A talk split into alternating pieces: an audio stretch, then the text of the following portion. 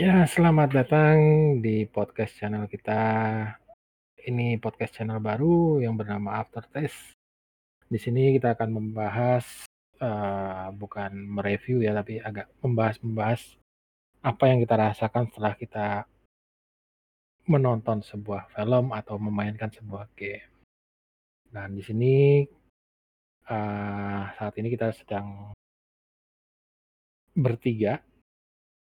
Dari saya Syukurai dan ada teman-teman saya, mohon perkenalkan diri masing-masing. Gua Madrik. Dan gua Warhammer. Oke, kita bakal bahas sebuah movie yang bisa dibilang kontroversial, iya, apalagi di kalangan orang-orang Indonesia gitu ya. Apalagi kalau bukan The Platform. El Hoyo, oke. Oke, aspek yang bakal kita bahas, yang pertama tuh kita bakal bahas karakter-karakternya, dari mulai karakter yang menarik dan karakter-karakter mungkin yang ada orang-orang yang membenci satu karakter tertentu. Itu juga bakal kita bahas di sini. Terus momen-momen atau scene-scene yang menarik kita bahas, yang mungkin di dalamnya ada konspirasi, teka-teki, atau sesuatu yang menarik yang mesti kita bahas. Atau mungkin ada pesan-pesan gitu ya, apa namanya, pesan-pesan moral seperti itulah. Selanjutnya, habis itu kita sambung lagi dengan aftertaste. Oke, sesuai dengan nama podcast kita, aftertaste. Kita bakal ceritain perasaan kita setelah menikmati The Platform ini. Oh ya, sebelumnya mungkin kita bakal jelasin sedikit sinopsisnya ya, kalau yang belum pada tahu tentang The Platform. Jadi konsepnya itu adalah sebuah penjara yang sistemnya eee, yang apa, berbentuk lorong-lorong begitu, terus dia itu bertingkat tersusun secara vertikal gitu, dari atas ke bawah. Nah, nanti, eee, setiap 1 hari akan ada makanan yang turun dari lantai paling atas ke lantai paling bawah. Gitu. Yang awalnya banyak di lantai 1, terus dia berkurang, dimakan oleh apa, penghuni sel lantai 1, turun ke lantai 2, dan seterusnya sampai ke bawah itu biasanya sudah nggak kebagian, sudah habis duluan gitu. Ini apa, inti ceritanya gitu ya, Pak, ya? Iya, betul, Pak. Jadi dila dilanjutkan ke tokoh-tokohnya kali, karena, eee, garis besar dari filmnya sudah sudah diterangkanlah gitu. Iya. Oke, masalah tokoh nih, kita kenal di awal ada yang namanya Goreng sebagai tokoh utamanya. Ya kan? Ya, ada Goreng, Goreng. Ada Trimagazi, terus ada siapa Iya. lagi ya? Ada si yang perempuan siapa yang perempuan namanya ya? Imogiri kalau nggak Imo salah ya. iya, I I Imogiri, ya Imogiri. Sorry sorry kalau salah-salah eja ya, karena ya Iya. nggak biasa dan ya nggak biasa dengan bahasanya mungkin. Terus ada siapa lagi? Terus ada Iya. Haru eh, siapa Miharu. namanya? Miharu, oh ya, Miharu. Wah, Pak Ucu nih kalau cewek yang cakep hafal dia cepet Oh, namanya. iya Nah, dong. Miharu itu dia lebih kayak wanita yang psycho gitu ya. Eee, dia iya. eee, pem bisa dibilang pembunuh sih kalau di dalam film ini. Mhm, lalu ada Baharat dan Brambang. Iya. Gimana ya nyebutinnya ya? Tulisannya sih Brambang gitu. Tulisannya sih Brambang. Kalian ada Di yang ada sesuatu sesuatu yang menurut kalian menarik nggak dari nama-nama itu? Iya tuh. Tapi sebelum sebelum kita ke bahas ke bahas yang apa ya, eee, sedikit konspirasi dari nama-nama ini, tadi kan baru disebutin, eee, si Miharu itu ya, Mhm. karakternya bagaimana. Sekarang kita lebih ke mulai dari Goreng dulu ya. Goreng ini kan karakter utamanya kan? Iya, betul. Bisa dibilang sih, eee, karakter protagonis dia ya, yang apa namanya, ibaratnya dia kan tujuannya ke situ tuh ini spoiler gimana, Pak? Kita boleh spoiler atau gimana menurut kalian? Mmm. Bagi yang belum nonton ini, eee, kurang lebih sih dibilang spoiler juga bukan spoiler. Kesimpulan kita sih, kesimpulan berdasarkan pemikiran kita setelah menonton film ini, gimana tanggapan kita. Tapi kalau kalian masih penasaran dengan apa yang kita simpulkan, silakan ditonton. Setelah itu silakan komen. Apa yang kamu rasakan? Intinya sih kita berusaha tidak spoiler, cuman tidak menutup kemungkinan ada di podcast ini ada spoiler-nya gitu ya. Jadi nanti kalau yang mendengarkan terus merasa di-spoiler jangan marah-marah ya, kita udah peringatkan dari sekarang nih. Jadi balik Iya. lagi ke si Goreng ini latar belakangnya ceritanya adalah seorang yang mau ngambil apa disebutnya tadi? Gelar ya atau apa? Eee, degree Gelar degree. Ah, sarjananya. heeh, Mhm. degree degree atau gelar atau gelar sarjananya, eee, lewat, eee, masuk ke mendaftarkan diri ke The Platform ini, ke penjara ini. Jadi ya dia ibaratnya seorang protagonis lah yang masuk ke situ bukan karena melakukan kesalahan lah gitu. Terus setelah si Goreng ada tadi, eee, Trimagasi. Trimagasi ini orang yang usianya kurang lebih berapa ya, 65-an mungkin lah ya. Jadi bisa kita sebut kakek-kakek yang, eee, pertama kali di dalam The Platform ini, di dalam penjara ini ketemu sama si Goreng. Jadi seperti dia itu Wikipedia lah atau pusat informasi pertamanya Goreng. Informannya dari si Goreng dia. Heeh, Jadi jadi Goreng ini dia tahu tentang apa yang ada di dalam penjara itu dari si Trimaga Trimagazi ini. Mhm. Makanya Goreng mengucapkan terima kasih. Terus di Bisa si a juga. nanti kita bahas selanjutnya deh. Sekarang kita bahas lagi lanjutnya. Terus ada siapa namanya yang perempuan, eee, yang Imogiri. buka eee, Imogiri Imogiri. ya? Iya, Imogiri. Yang Imogwiri. Iya, Imogwiri. Imogwiri. Imogwiri ini pertama kali kayak adminnya gitu, dia yang mencatat waktu prosesnya si Goreng mau registrasi, ibaratnya mau masuk, mau daftar untuk, eee, masuk ke dalam The Platform atau masuk ke dalam penjara ini gitu. Dia kayak adminnya lah gitu ya bisa dibilang ya, Pak, ya?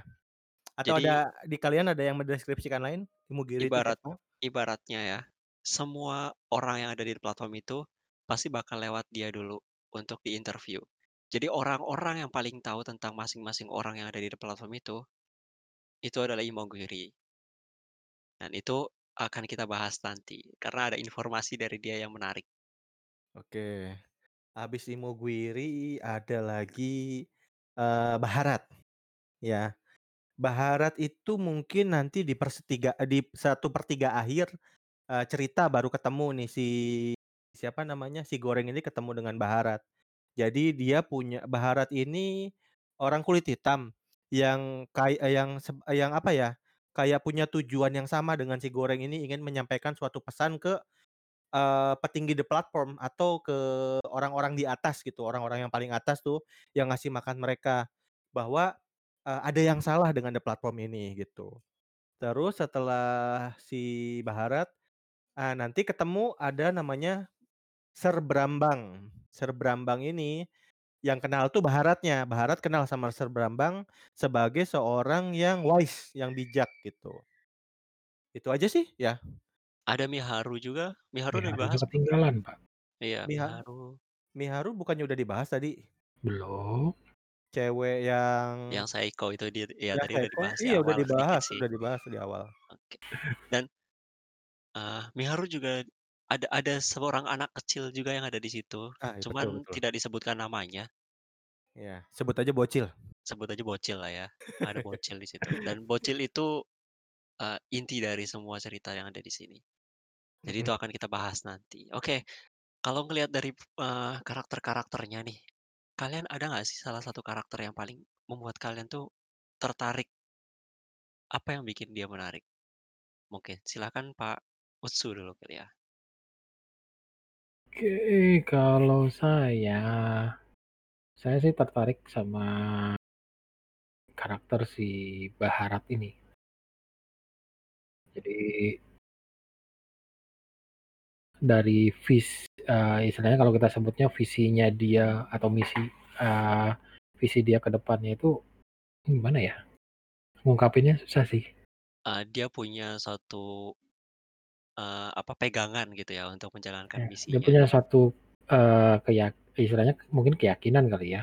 Iya. Heeh. Dan dia kalau gua lihat orangnya, apa ya, taat dengan peraturan. Selalu memegang, eee, memegang erat peraturannya. Kalau taat dengan peraturan kayaknya lebih bisa dibilang lebih polos sih kayaknya. Iya, Terlalu bisa jadi polos. polos ya. Mhm. Terlalu polos dia sampai bisa dibodohin lah istilahnya. Jadi, mmm, u aku cerita sendiri nih sedi sedikit tentang Baharat nih, buat pendengar yang eee, buat pendengar semuanya ya. Jadi si Baharat ini, dia itu satu-satunya orang yang punya tujuan manjat ke lantai atas. Dia bawa tali. Nah, di sini kan setiap orang yang masuk penjara ini dikasih pertanyaan kan, "Kamu mau bawa apa ke dalam?" Kalau balik lagi ya, kalau si Goreng itu bawanya buku gitu. Nah, kalau si Baharat ini bawanya tali. Jadi talinya itu dia minta eee, dia lempar ke atas, minta diambil sama orang yang di lantai atasnya, supaya dia bisa manjat gitu ke atas gitu. Ya kalau misalkan di penjara itu isinya orang baik kan, dia ting eee, dia tinggal minta tolong pasti ditolongin kan. Tapi balik lagi ini kan penjara kan. Iya. Ya nggak? Balik lagi ini penjara, chance-nya kecil gitu. Makanya dibilang tadi dibilang sama Pak Ucu bodoh, kenapa? Karena ada satu kejadian ketika dia minta lemparin talinya ke atas, diambil, dibohongin gitu kan, dia manjat setengah jalan terus diberakin gitu loh. Literally diliatin kotoran gitu dari atas, pluk. Makanya kalau kalian ada yang kurang suka dengan yang ji menjijikan gitu ya, disturbing gitu ya, hati-hati ajalah gitu. Ya, terus gimana Pak Ucu? Apalagi ada yang menurut lo yang menarik lagi dari si Baharat ini? Eee, kegigihannya sih kalau saya. Hmm. Mmm, gigih, ya. Ya, dia gigih untuk, memegang prinsipnya dia, kan dia dia pengen naik ke atas dan pengen keluar dari tempat itu. Terus di dia mencari cara gimana sampai akhirnya dia disadarkan oleh karakter utamanya si Goreng itu ya walaupun nanti ending-nya gimana ya tetap termasuk orang yang gigih sih. Jadi kalau Pak Ucu ini kayaknya tertariknya karena si Baharat ini polos, gigih gitu ya Pak Ucu ya? Ya. Terus kalau dari Madrik sendiri, siapa yang menarik buat lo, Drik? Kalau gua sih tetep si ini sih, gua tertarik sama Miharu sih. Mmm, Dia itu Miharu. sebenarnya punya Cantik. s bukan, punya hati. Oh, iya Dia itu iya iya iya. dia tuh punya hati. Sebenarnya kalau misalkan nggak ada yang mengganggu dia, dia nggak akan bunuh kalau menurut gua. Karena setahu Mmm. gua, dia membunuh ketika di ketika diganggu, karena dia punya tujuan cuman satu. Yaitu dia mau cari anaknya. Iya, Find the child. find the child gitu kan. Dia bakal mencari anaknya. Eee, jadi aku jelasin lagi dikit buat yang lain, entar takutnya bingung, Drik.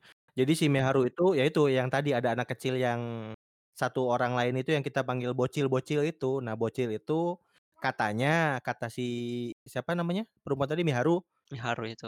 Eee, kata si Miharu itu adalah anaknya dan jadinya jadi dia itu di dari atas ke bawah itu nyariin anaknya lah gitu. Sok dilanjutkan.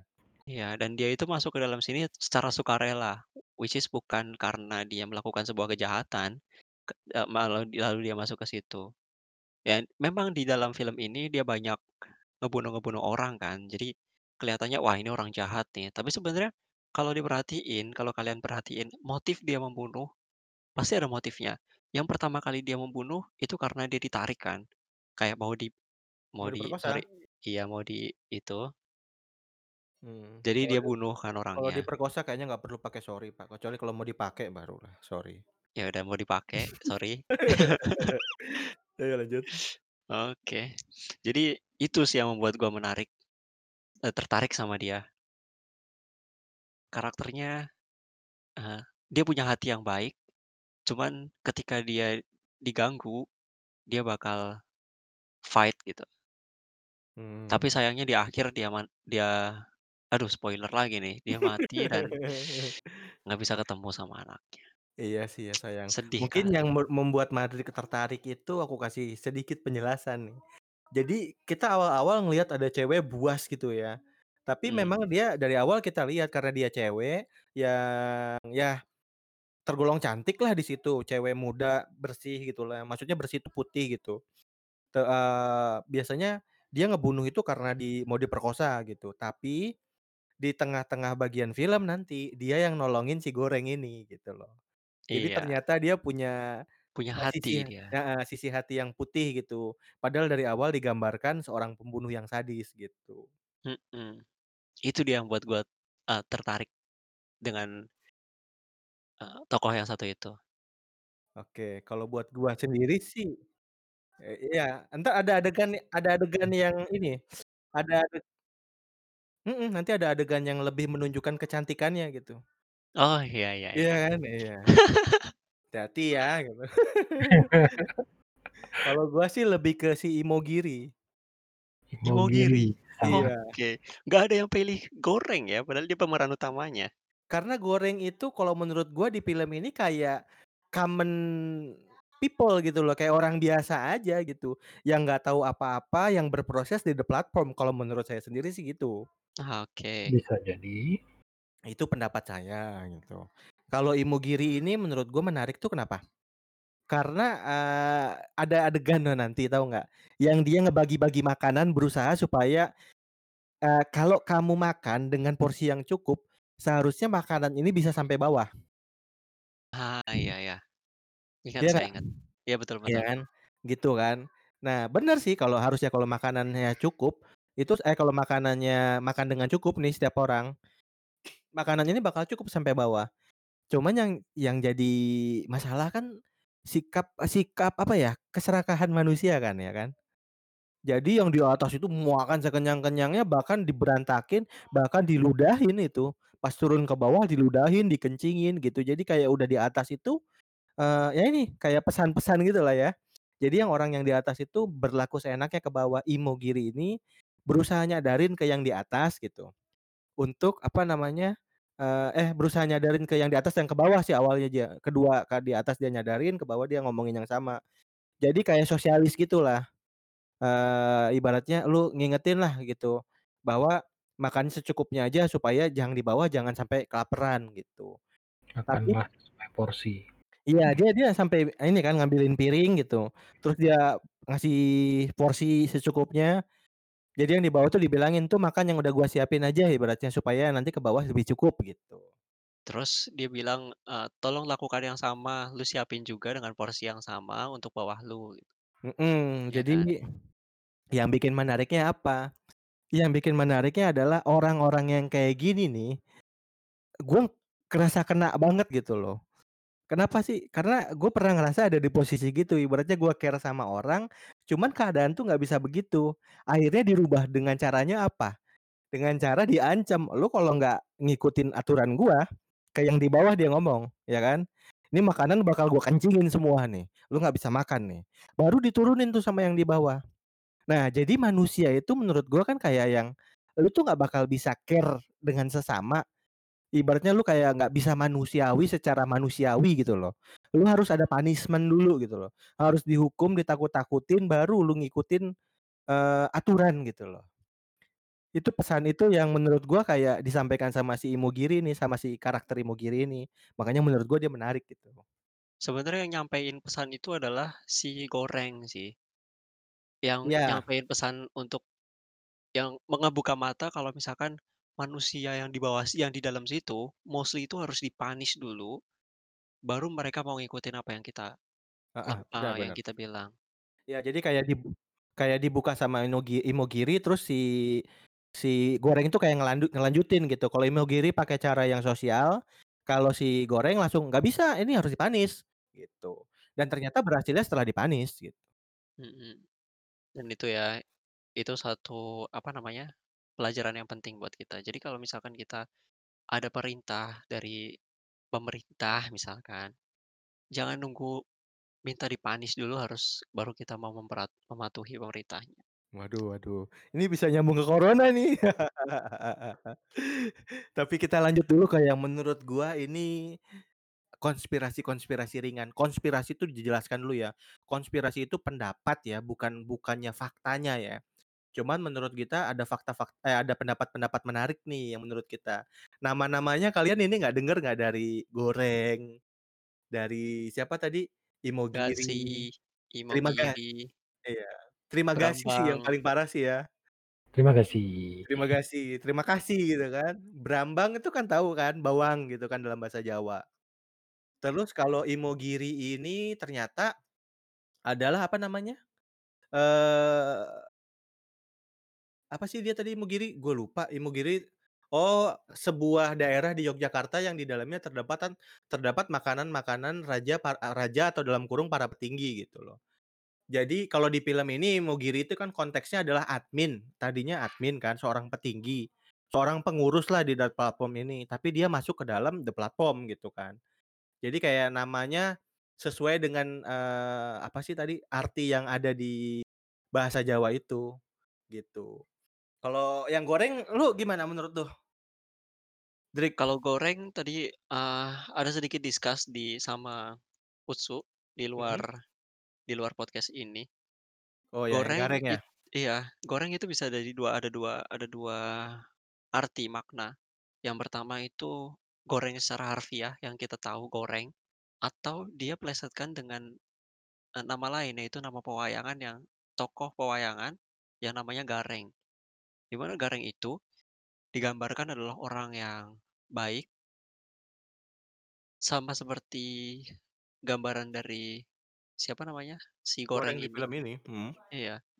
Jadi dia prota protagonis, terus dia juga nobel karena dia pemegang sebuah kerajaan, si gor si Garengnya itu. Jadi ada beberapa kesamaan yang menurutku nggak tahu entah disengaja atau tidak gitu loh. Menariknya film ini tuh kayak gitu. Jadi ada beberapa poin-poin atau terutama kayak nama-nama ini yang kalau dari dari statement si pembuat filmnya sih mereka bilang nggak nggak pernah mention-mention dengan nama-nama Indonesia, nggak pernah mention-mention tentang Indonesia. Mereka cuman bilang, eee, the platform ini dibuat sup eee, terserah audiensnya, mereka mau berpikir tentang gimana. Terus ada lagi, Goreng Goreng itu dia kan masuk ke penjara, dia mintanya bawa buku kan.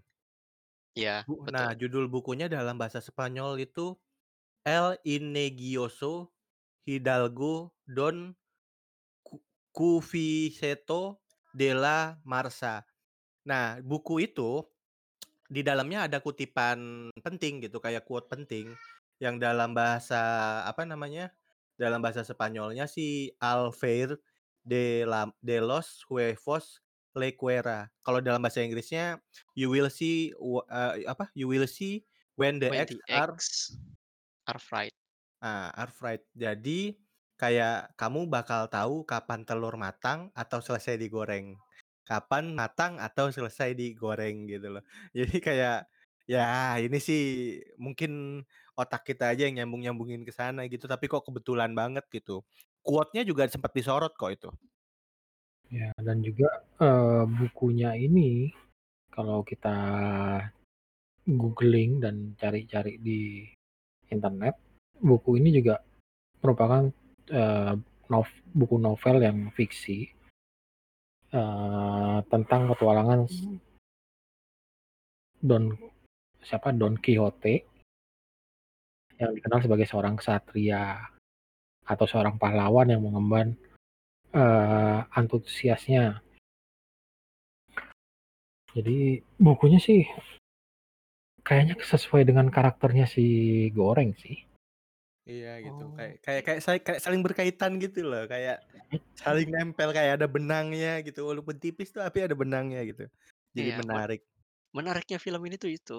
Jadi banyak Karena banget yang bisa karena sesuai yang dibilang dengan Pak dengan Madrik tadi kan juga, eee, pembuat film ini membuka semua kemungkinan dari pikiran kita, ini mau dibawa ke mana.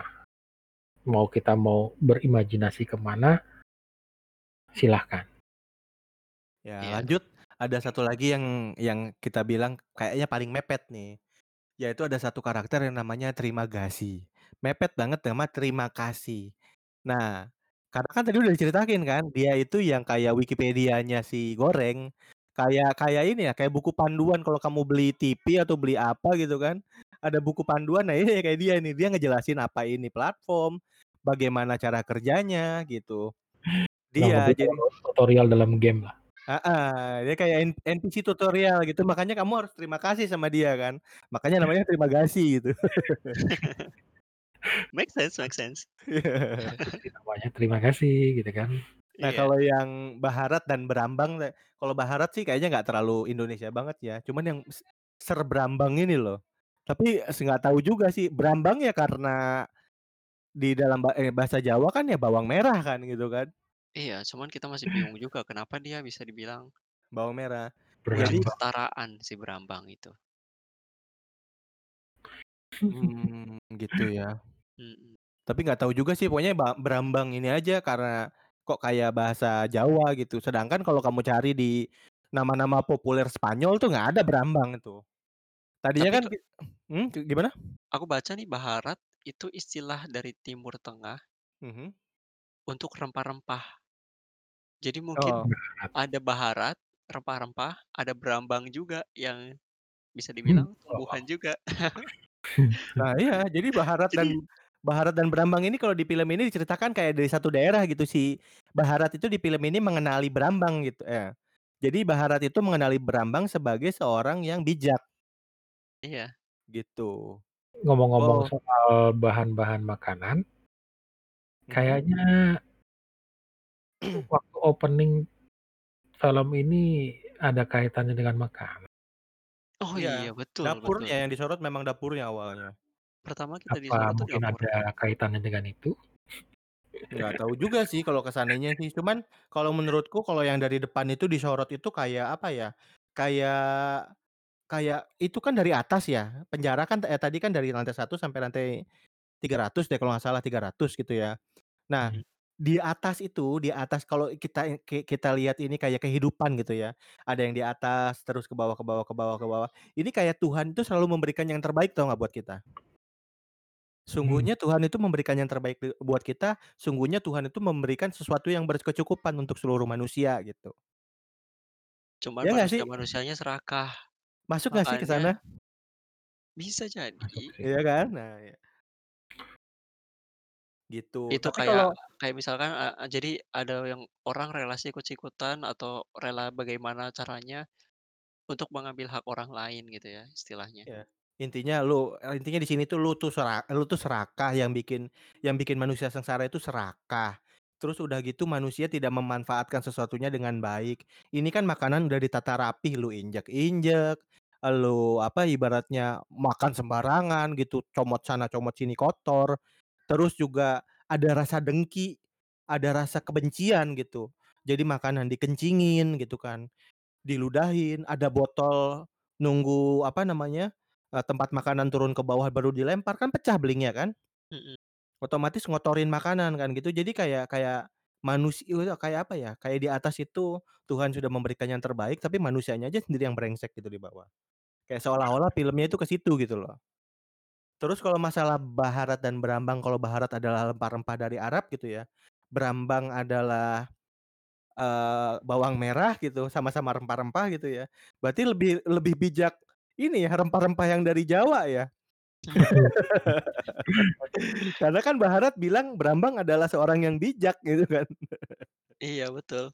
Berarti Terus harusnya kita bukan mengaca pada negeri sono Eh, awas udah jangan, ya udah udah, lanjut. Bahaya terus konteksnya ke mana-mana. sat satu lagi nih yang menarik, yang Apa hampir itu? kita lewatkan. Apa tuh? Sat eee, satu karakter, yaitu Mhm. ketua kepala sefnya. Mmm, ya. Itu, sebenarnya dia sedikit muncul, Di cuman awal? di awal dan di pertengahan ketika dia bikin panah kota yang ada rambut jatuh di situ. Mmm, mhm mhm Dia mhm. orang yang perfeksionis banget kan, sampai ada Mhm. rambut yang jatuh ke situ, dia Dia punish, marah-marah, mhm. dia marah-marah. Nah gua masih pengen banget ngedalemin satu karakter itu sih. Siapa tahu ada se ada sebuah clue di dalam film ini yang berkaitan sama satu karakter itu. Kayak puzzle yang hilang gitu ya?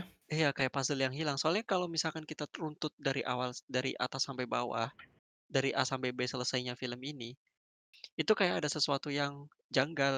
Contohnya Mmm. anak kecil yang tiba-tiba ada di situ, terus, e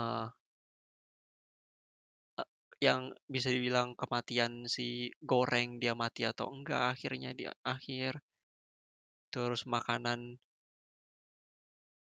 Ya, tentang sifat-sifatnya dia juga. Tapi intinya Banyak yang dasarnya miss. dasarnya emang si koki itu nggak diceritain siapa kan? Betul, Chef-nya nggak diceritain apa, siapa. chef chef-nya atau kepala kokinya dan koki-kokinya di situ nggak dijelaskan siapa kan? Mhm. Iya, ya Nah kalau takut menurut kalau takutnya ada menurutku ya sebuah clue kayak di situ. kalau menurutku ya kayak Tuhan dan para malaikatnya aja, dia yang nge-serve manusia sih.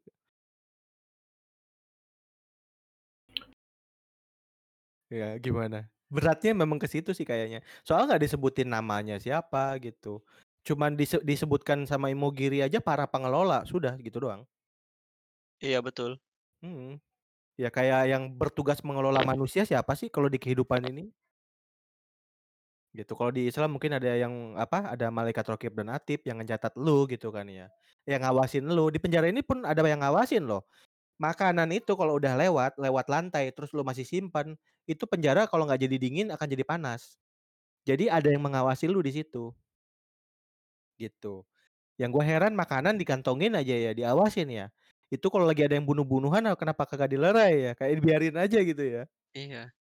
Terus kalau lewat kalau lewat sebuah platform udah nggak ada orangnya, dia bakal langsung turun ke bawah.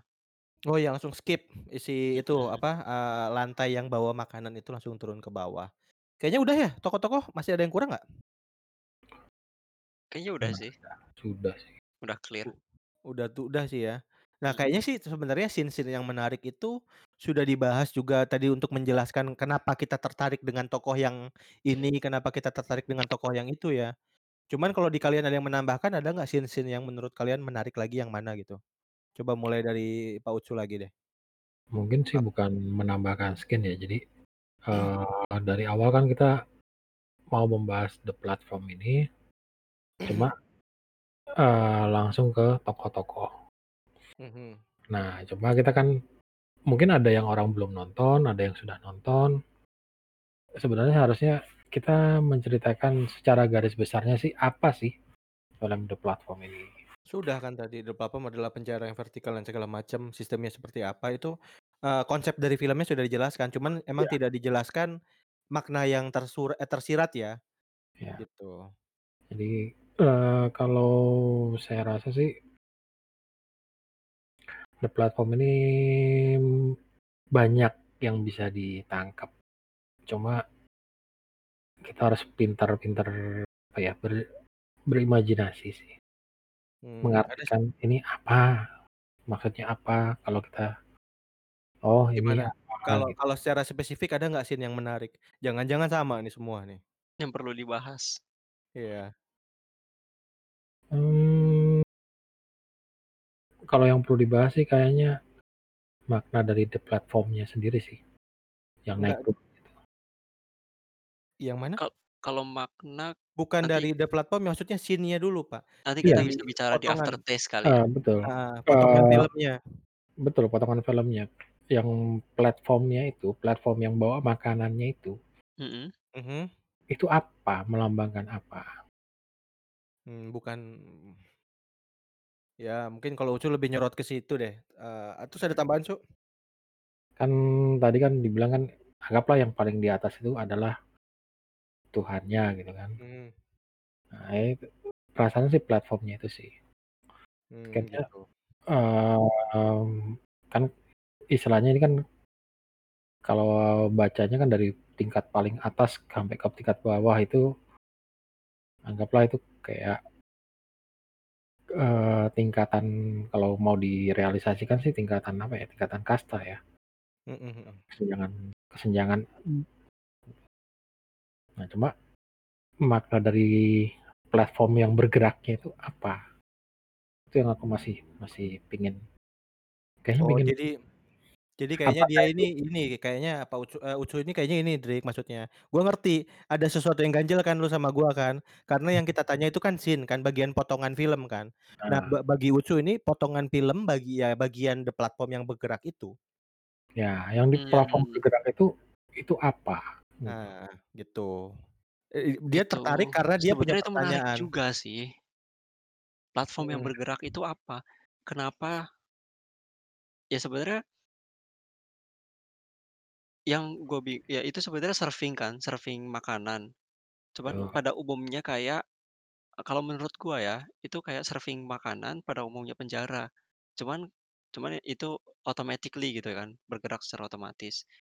Beda dengan selayaknya kalau misalkan kita ada di eee, a ada di penjara-penjara yang umum, yang bentuknya sel gitu, itu kan ada serving makanan juga. Dan Mmm. itu mereka makanan-makanan yang ada di situ adalah makanan-makanan favorit dari masing-masing orang yang ada di situ. Oh ya, belum di-notice tadi, betul betul tuh. Jadi, Iya. eee, lu sebelum masuk tuh ditanya juga tuh, "Lu sukanya makan Mhm. apa?" Di itu nanti, eee, randomly, eee, kadang-kadang dimasakin itu, gitu. Iya, dimasakin makanan favorit kalian. Mhm. Betul, dan Nah juga mekanismenya platformnya itu seperti apa kok kalau kita tonton kan, ini batu melayang. Mhm. Iya, itu Masih masih itu termasuk sih, gitu loh. fiksi sih, kalau yang itu sih udah Ah. udah Itu. masuk CGI lah Oh, istilahnya. tek teknis Fiksi-fiksinya ya. Te teknis. masalah teknisnya sih itu Teknisnya. mhm. Teknis yang tidak teknis.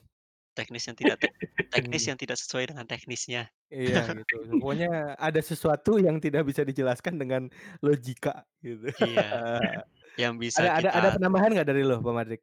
yang bisa kita tangkap ya itu. Jadi, setiap orang udah disediakan porsi-porsinya masing-masing sebenarnya. Ketika kita serving sama aja kayak misalkan itu dalam penjara kan, serving Mhm. makanan selayaknya di penjara. Mmm. Cuman, karena ini penjaranya vertikal, yang bikin menarik adalah orang yang paling atas itu dia mendapatkan hampir segalanya.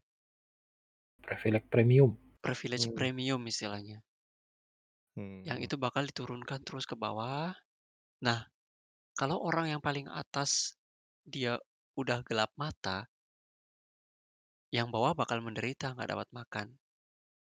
Istilahnya kayak corruption lah. Orang yang Iya. paling atas kalau dia ambil s sesuai porsinya dia, orang yang paling bawah masih bisa makan. Tapi karena dia serakah, dia mau ambil s eee, sesuai nafsunya dia dan dia kadang makan juga diberantak-berantakin dan segala macam, itulah sebabnya orang-orang yang di bawah itu banyak yang menderita. Kalau menurut gua itu yang bisa diambil dari eee, jalannya platformnya itu. Kalau dari gua sendiri langsung ngejawab pertanyaan Ucu nih. Apa sih, eee, platform yang bergerak dari atas ke bawah itu maksudnya apa? Kalau menurut gua itu sistematis, Cu. Jude jadi hidup itu sudah ada sistematisnya, sudah ada sistem by default-nya. Jadi sesuatu tuh dari atas ke bawah gitu, bukan sebaliknya dari bawah ke atas. Jadi sesuatu tuh memang dari atas ke bawah gitu. Kan ini kan ilustrasinya kehidupan gitu kan, kayak kita itu mendapatkan sesuatu tuh dari atas dulu baru ke bawah. Air itu mengalir dari gunung dulu baru ke laut gitu. Jadi udah by default, by system semuanya dari atas ke bawah. Nah itu. Gimana ngejawab nggak? Masih ada kalau yang lain nggak? Ada tambahan aku sih menganggapnya karena ini ya, karena karena lu menganggap si head chef-nya itu Tuhan? sebagai Tuhan, Mhm. berarti makanan itu adalah berkat dari atas, berkat Iya. ya. Betul. Bener kan? Ya. Dan itu selalu mengalir dari atas ke bawah gitu kan. Ya kayak kayak nggak mungkin kan kalau ya bulanan tuh yang ngasih yang ngasih gaji lu ke bos lu kan nggak mungkin kan? Gitu Mmm, kan. kiamat, Pasti Pak. o itu dia. Pasti owner-nya yang ngasih ke gen apa, general mana eee, owner owner kasih ke general gede apa, general manager, manager kasih ke ke bawah terus terus terus terus terus terus gitu kan, Ya. kayak dari atas ke bawah terus. Dan porsinya pun pasti berkurang gitu. Dari atas berkurang. Nah kayak BLT dari negara 600 disunat, nyampe ke masyarakat 300 gitulah ibaratnya. Wis konspirasi, Pak. Ya Itu kalau ada ini sih, ada skin-skin yang cukup menarik ya. Eee, mungkin di luar podcast ini tadi sudah dibahas, cuma di sini kita bahas lagi. Eee, yang menarik menurut saya satu skin yang di mana si apa, si gorengnya ikut platform untuk turun ke bawah. Mmm, itu sih pertanyaan semua orang itu kayaknya Ya, tuh. heeh, kan lu bilang kan skin yang menarik. Iya scene scene Ya, ya skin menariklah. yang menarik itu, yang kedua di ending. Itu aja sih kalau Mmm. bagiku skin yang menariknya. Kalau yang lainnya sih ya udah terbahas tadi lah ya, Oh, umum kalau yang lainnya. Ya, bagian Magic gimana? Ada scene yang menarik nggak buat lu sendiri? Kalau gue paling menarik adalah yang ending. Nah, betul. Sama lah kalau begitu. Endingnya tapi sebelum sebelum dia turun, bukan uh-huh. setelah dia turun. Justru yang menarik di situ kalau menurut gue Uh-huh. Mhm. Ketika dia sampai di 333. Emang 333 ya? Bukan 300 paling bawah? 333. Mmm. 333 kalau nggak tiga salah. ratus Mhm. tiga puluh tiga itu paling bawah. Mhm mhm. Nah, di 333 itu kalau dari statement si yang punya, apa namanya, yang punya film jadi si siapa, si Goreng ini sebenarnya dia udah meninggal. Statement yang punya film, berarti ini pengarangnya maksudnya atau sutradaranya? Yang Di punya situ ya direktornya lah mungkin ya, Direktornya lah atau mungkin yang atau yang punya produsernya. Mhm, pokoknya orang film lah ya gitu Iya, ya? yang orang punya filmnya. ceritanya lah itu. Mhm. mhm. Jadi menurut dia, sebenarnya kejadian yang terakhir itu tidak benar-benar terjadi waktu dia turun ke lantai dasar. Ke Jadi itu adalah gambaran Mhm. apa yang seharusnya dilakukan oleh si Goreng. Ketika Mmm. kalau dia masih bukan hidup. bukan bukan apa yang seharusnya sih kayaknya, apa yang, Akan eee, dilakukan kali ing ya? ingin dilakukan si Goreng. Iya, apa yang Mmm. ingin dilakukan si Goreng kalau dia masih Masih hidup. hidup. Mhm mhm. Makanya ketika dia bangun, dia langsung teriak-teriakan, "The message the message," gitu kan. Tapi mhm. orang sebelahnya udah mati kan, si orang Baharat. si Baharat itu udah mati. Mmm. Nah, menurut gua dia juga chance hidupnya nggak ada, karena dia udah dicekik. Sebenarnya Baharat sama si Goreng ketika di akhir kondisinya adalah lebih parahan si Goreng daripada si Baharat.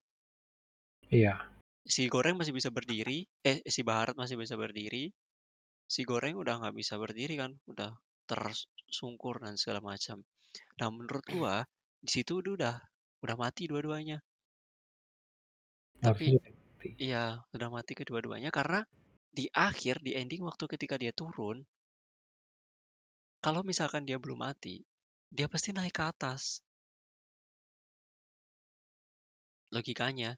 Tapi dia malah jalan barengan sama si si Trimagazi yang dia udah yang istilahnya dia udah udah meninggal juga. Dan mereka udah bisa ngobrol. Yang tadinya ketika Trimagazi sering muncul memang, tapi kan mereka nggak ngobrol.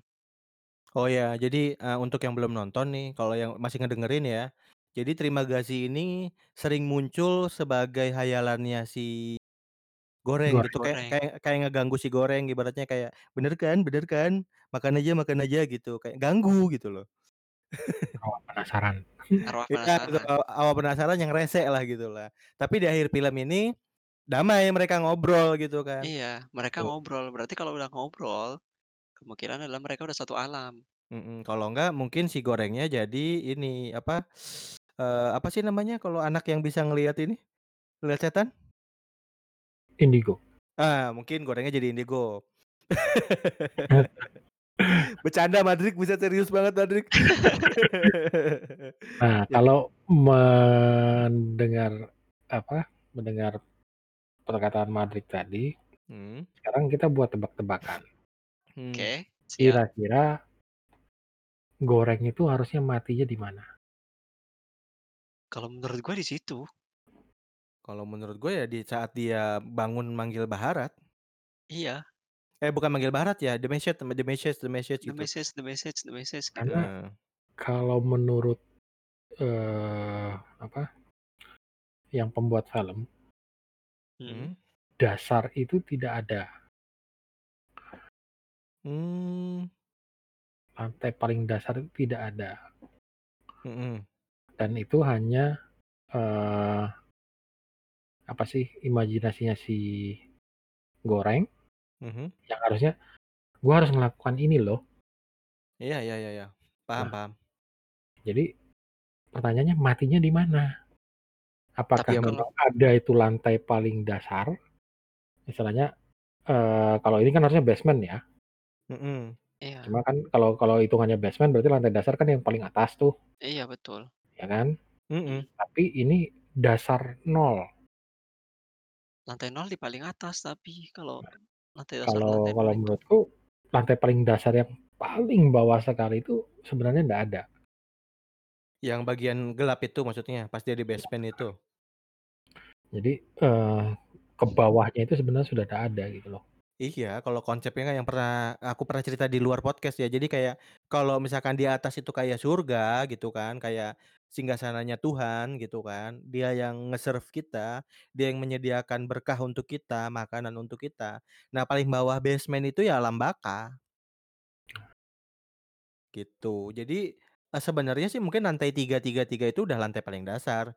Turun lagi ke basement ke bawah itu maksudnya dia pass away gitu loh. Dia ke ke lantai yang selanjutnya karena dia sudah mati, bukan karena mekanismenya platform gitu. Cuma kalau aku sih berpikiran eee, harusnya sih dia sudah meninggal itu di waktu dia diserang sama si ini diserang sama si Terima Kasih. Yang di mana scan-nya akhirnya Terima Kasihnya yang mati kan. Kalau Mmm, itu mmm, enggak kayaknya sih enggak kayaknya. deh. Terlalu Soalnya jauh kalau itu. iya terlalu jauh. Satu terlalu jauh, yang kedua dia masih sehat sampai akhir. Dan dan setelah scene itu, itu adalah scene yang ketemu sama si ceweknya. Iya, jadi si banyak Inogiri. Jadi masih banyak scene yang masa dia udah jadi hantu da dari scene sebelum-sebelumnya? Jadi, eee, menurutku paling ganjelnya gini loh, Su, nggak mungkin lu ngehayalin sesuatu yang tiba-tiba Imogiri masuk ke dalam situ gitu loh. Ngerti nggak? Misalkan lu nih masih hidup terus mati, lu pengen melakukan sesuatu terus tiba-tiba ada ada ada lu masukin ceritanya Imogiri, gitu. Kalau lu mau, eee, ibaratnya mau melakukan sesuatu yang baik menurut lu caranya adalah ke bawah terus ke atas ya, ya lu sendiri aja lakukan ke bawah terus ke atas, gitu. Nggak mungkin dia nambahin tokoh-tokoh yang belum pernah lu temuin gitu. Ibaratnya kayak lu mimpi gitu kan, kemungkinan besar kan mimpi lu tuh ketemu sesuatu yang lu pengenin gitu kan, atau yang lu kenal gitu. Kalau menurut gua ya, karena, eee, kalau alam bawah sadar itu menurut gua pasti balik lagi ke apa yang pernah kita tangkep di waktu kita sadar. Sih. Gitu. Itu Iya, menurut gua terus sih. terus lagi juga waktu yang dia turun ke bawah itu kan memang kalau dari kalau memang dia se sebenarnya sudah meninggal, itu kan sebenarnya udah hayalan, udah sebuah hayalan kan. Mhm. Udah sebuah istilahnya memang betul, mungkin yang paling bawah itu nggak ada, kalaupun yang paling bawah itu nggak ada, alasannya adalah karena itu adalah sebuah eee, hayalan dari Keyakinan. si dari si siapa namanya, si Goreng. Goreng itu. Bahwa anggapan dia, ini message ini anak kecilnya yang harus disampaikan ke atas. Anggapan dia adalah ketika dimasuk dia masukin ke eee, Platform. platform itu dia bakal turun dulu, anggapan dia. Bukan Atau angga mungkin bukan dia anggapan bakal dia. a a a atau mungkin sebenarnya memang turun, cuman nggak ada sampai yang lantai dasarnya itu. Jadi yang Entar waktu dulu, saat si konteks Goreng kontek turun konteks lantai dasar itu 333 loh ya.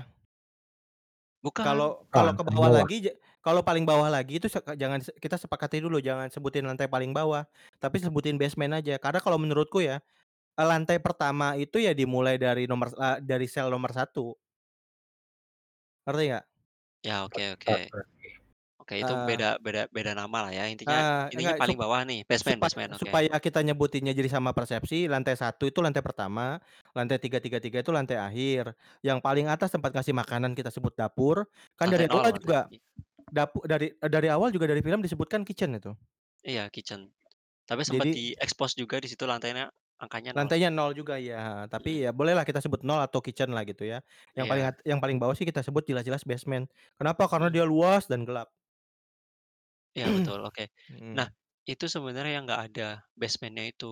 Jadi mhm. sebenarnya, eee, dia turun ke bawah, itu kayak cuman tambahan buat ketemu sama si Terima kasih. si Terima Kasih, biar di Seb biar disambungin ke situ. sebenarnya udah sepakat sih itu, Drake. Gua, lu, Iya, Utsu, basement itu alam baka udah sepakat. Yang jadi pertanyaan Utsu adalah kalau ketika si Goreng hidup, dia hidup tuh sampai lantai berapa atau sampai keadaan yang mana? Yang yang paling masih hidup? paling akhir itu. Paling sebelum dia tidur. Ya kalau menurut gua sih sampai dia ngasih makan Ngasih makan, terus platformnya kue. turun kan. Nah, iya itu. Terus dia mang kayak ngigo kan, dia bangin ba apa, manggil Baharat kan. Iya. Menurut gua sih itu udah sekarat. Karena diliatin kan Baharat dalam keadaan luka kayak gitu mati, ya kemungkinan Goreng juga mati gitu. Iya kalau menurut gua di situ. Gitu, sama menurut gua juga situ sih. Pas, eee, "The message the message the message," gitu kan ya. Terus ngeliat Berarti Baharat mati, dia di mati di situ. lantai 333 ya? Iya di lantai 333. 333 ya kalau nggak salah ya? Mhm. Ya paling bawah lah istilahnya, tempat anak kecil itu kan. Tempat anak kecilnya itu. Lantai Bocil. paling bawah, iya. Cuman lu ada pertanyaan lagi nggak? Ada yang menggelitik lagi nggak? Mengenai Eee mengenai ini loh, mengenai adegan basement. Adegan basement sebenarnya banyak sih pertanyaannya. Apa tuh? 1 aja dulu, yang yang paling menggelitik. Tapi tadi sudah udah dijawab sih, cuma masih masih ada yang masih mengganjal, cuma bingung ngungkapinnya gimana. Apa tuh?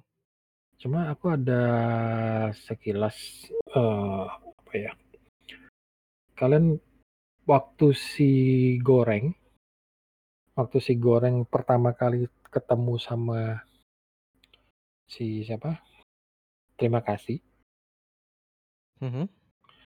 kan kalian pasti nonton ada subtitle-nya tuh. Mhm. Tidak. Nah. Nggak pakai subtitle, Pak. Tidak. Jadi Itu kan bahasa Spanyol. Bahasa Inggris gua dapat. Oh, Wah. lu dapet dubbing-nya. Oke oke Dubbing oke. bahasa Inggris. Jadi, eee, waktu Goreng pertama kali sadar Mhm. dia kan memperkenalkan diri. Mhm. Cuma waktu itu kayaknya ada s eee, pertanyaan Mhm. dari si Terima Kasih, Mhm. siapa nama yang mereka berikan ke kamu, bukan siapa namamu. Ada sempat lihat nggak? Mmm, enggak. Eee Siapa nama yang mereka Jadi, berikan ke kamu? kan aku si Goreng nih ya. Iya.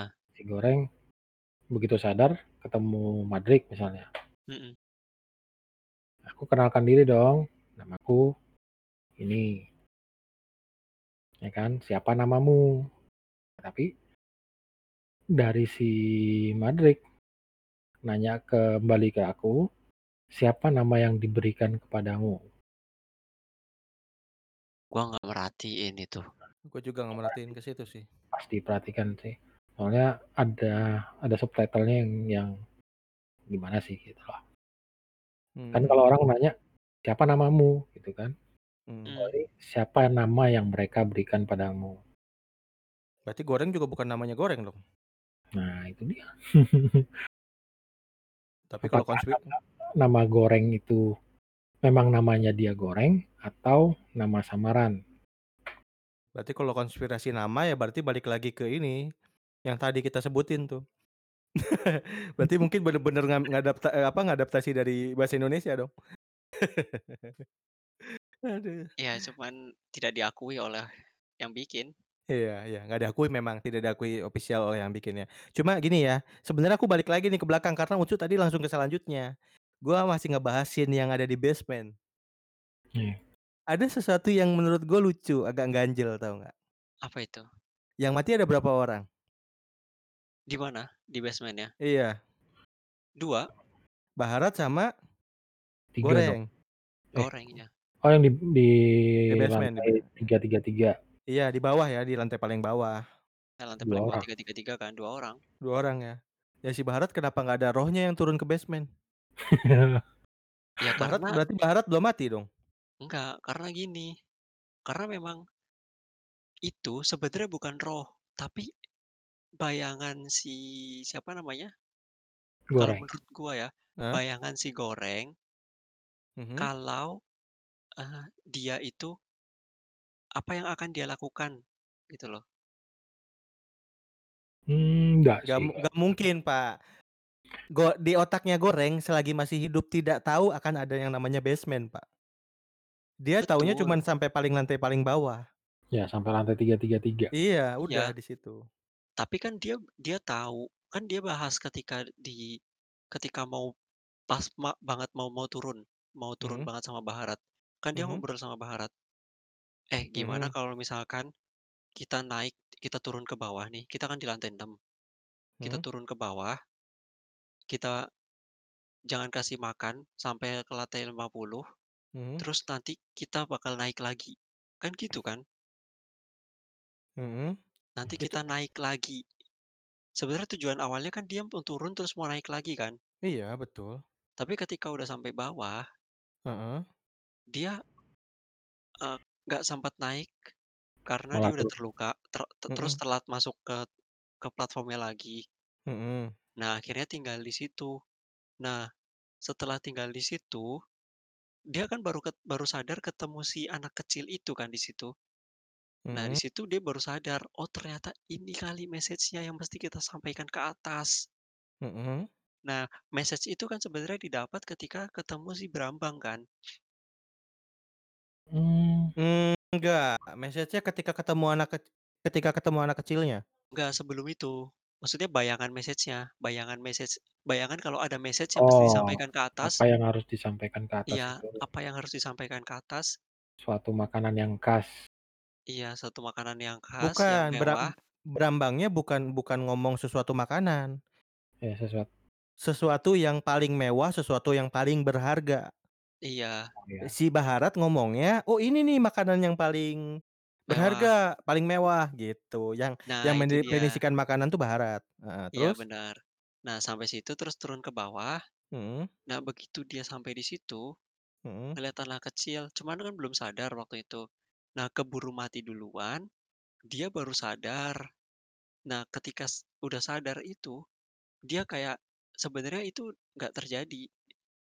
Nggak terjadi, tapi difilmkan apa yang seharusnya dia lakukan gitu loh. Kalau Mas misalkan dia masih berarti mah hidup. Oh, ya ya ya. Maksudmu, eee, dari perjalanan yang terakhir itu, yang yang terakhir dia habis berkelahi dengan samurai dan segala macam Sudah mati? turun ke bawah Turun ke bawah, kasih sampai makan. sampai ke paling bawah itu yang ke 333 Mhm. Mhm. sampai di situ sebenarnya dia sudah harusnya udah game over gitu ya. Ketika habis ngasih makan, ketinggalan platform, itu harusnya udah game over. Ya. Nah, tapi di situ pengen disampaikan lagi. Kan masih Harusnya gantung tuh message-nya, ya harusnya message-message-nya tuh masih gantung. harusnya dia, eee, ini nih, anak ini yang harusnya dibawa naik ke atas. Iya. Nah, di Tapi situ itu, difilmkan lagi. eee, maksudku dia sudah mati, itu rohnya dia yang, "Ayo anak ini nih, harusnya gua ma naikkan anak ini ke platform, bawa dia ke atas," gitu kan. Iya, ya Sebenarnya itu itu. eh, tahu nggak, sebenarnya itu udah sepakat dari tadi. Masalah anak adalah pesan udah sepakat. Iya. Masalah dia matinya itu setelah, eee, ibaratnya the message the message the message itu kan habis ngasih makan kan, udah ngasih makan kan? Udah, The itu udah message mati. Udah. ya, itu udah mati kan ketika Itu itu kan, udah. setelah ngasih makan. Udah sepakat, Pak, udah sepakat di situ, udah Enggak, sepakat. bukan. Jadi kalau kalau aku nangkepnya si Madrid itu Hmm. Sebelum sebelum dia kasih makan itu sebenarnya begitu dia lihat anak itu, habis itu nggak lama dia mati udah, gitu aja. Setelah sih kalau setelah ngasih Iya, makan setelah kasih makan Panakotanya itu, ketinggalan udah platform mati udah itu. Iya, ketinggalan Kan kadang platform, kan ketinggalan tidur. platform tuh, tidur itu udah anggapannya udah Udah mati, mati itu, itu Oh, anggapannya udah jadi a mati. jadi adegan the message Yang the message bang teriak-teriak itu udah nggak ada? Ya, the message itu rohnya dia gitu loh. Mmm. Makanya kan, Sebenarnya mungkin antara eee roh atau bukan roh, tapi intinya adalah itu seharusnya udah game over. Tapi Ya. karena fil di film itu masih ada satu yang ngeganjal, yaitu message-nya yang belum disampaikan. Akhirnya si pembuat film ini ngakalin nih. Oh, dia pengen Iya iya. nyampein message-nya ini lewat Adegan eee, itu. adegan itu. Yang Paham, sekar sebenarnya yang sebenarnya adegan itu sebenarnya dalam keadaan dua-duanya udah game over. Sekarang aku mau tanya nih, habis dia ngasih makan, ya kan, habis dia ngasih Mhm. makan, terus dia tidur, itu udah mati dong berarti? Mati. Iya. Berarti kejadian dia teriak-teriak the message the message the message itu sebenarnya udah dalam keadaan mati? Ya, Iya. sudah istilahnya imajinasinya dia, itu alam bawah sadarnya dialah sudah gitu. Alam bawah sadar, Cuma dia dia Oh. imajinasinya sadar doang. cuma dia sad eee, sebelum dia mati mungkin dia kepikiran, "Ini nih pesannya itu ini," gitu loh. Message yang Oke. harus diantarkan ke atas tuh I anak itu. iya, kalau masalah message-nya sudah deal, Pak. Masalah Iya. message-nya sudah deal. Ini lebih ke adegan ke bawahnya, Pak. Jadi jangan dibahas lagi masalah anak itu message sudah oke, deal. Itu sih. Ini masalah dia ke bawah, terus dia kan kaget the message the message the message gitu kan ya. Dia ngelihat si Baharat udah mati kan, terus dia nenangin diri, akhirnya ada adegan platformnya ke lantai basement ya kan. Dia bangun, dia turun ketemu sama si Trimagasi, iya kan? Bener Iya. nggak? Jadi kita sepakat nih, ketika the message the message the message itu udah mati kan? Bener? Betul. Ucu bener, sama? Iya. Oke, yang jadi masalah ketika dia turun ke bawah, dia ketemu sama Trimagasi. Oh, berarti kalau kalau ini cuman angan-angannya si Goreng ya, angan-angannya Goreng lah kita anggap dia bukannya dia mati lah ya gitu ya. Iya nggak?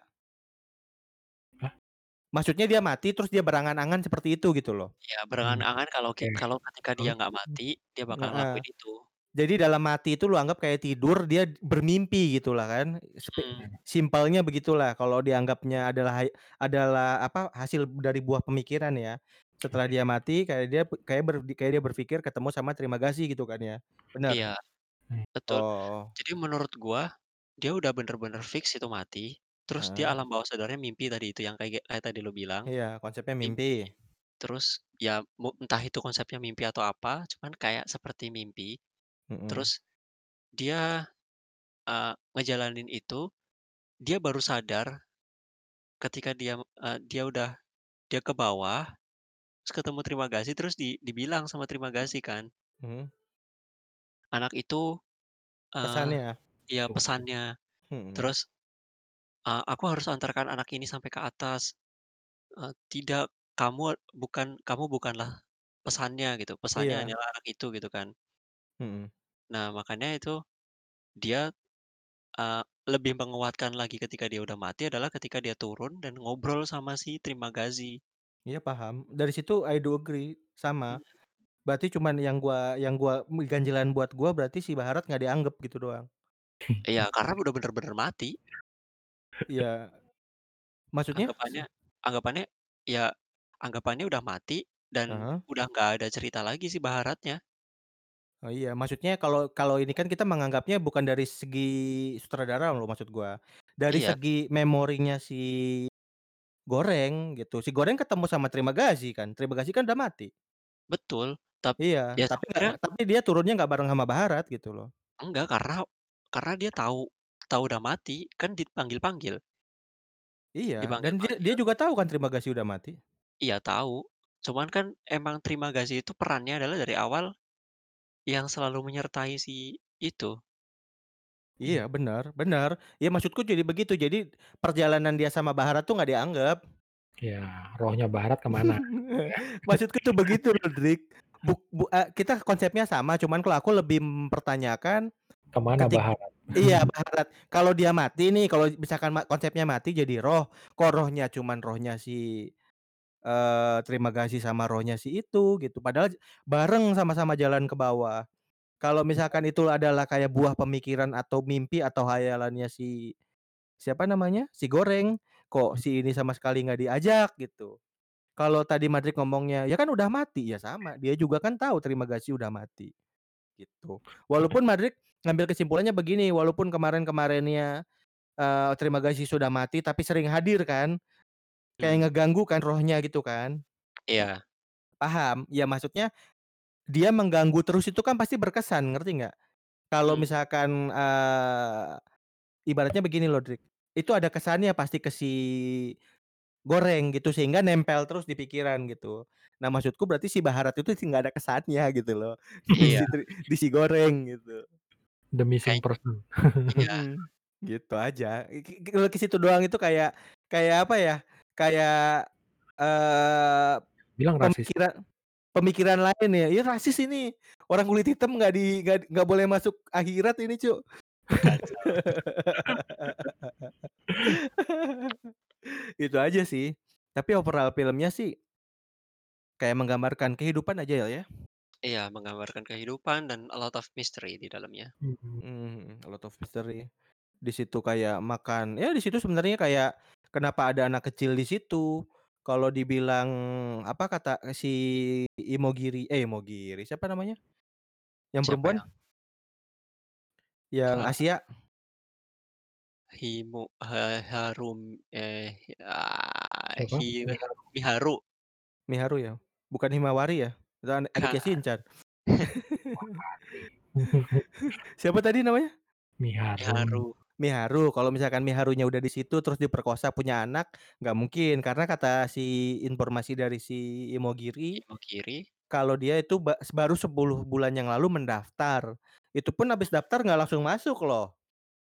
Iya, Iya cuman kan harusnya nggak ya paling 1 bulan misalkan, berarti dia ada waktu di situ di dalam situ 9 bulan. Sedangkan anak it kecil itu umur kisaran 5 Tiga tahun kali, 3 sampai 5 tahun lah ya. Iya 3 sampai 5 tahun lah gitu, balita lah gitu. Tapi nggak m bukan anak oe-oe gitu, bukan masih bayi, enggak gitu.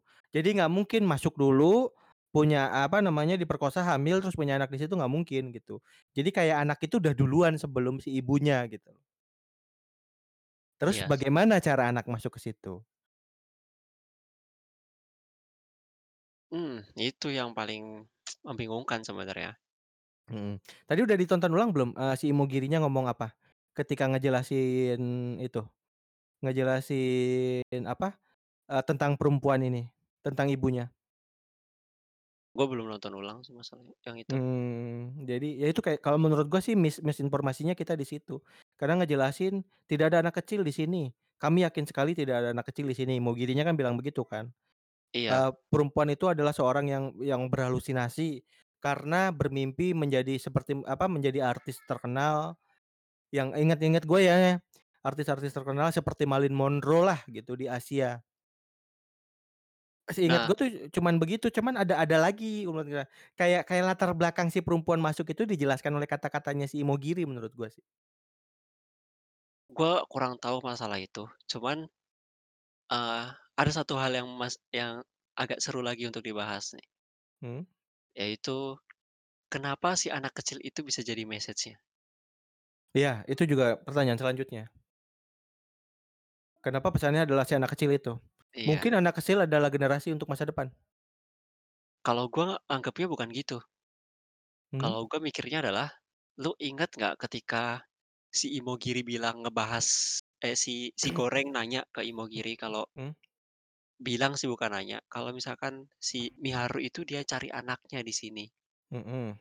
Dia kan bilang.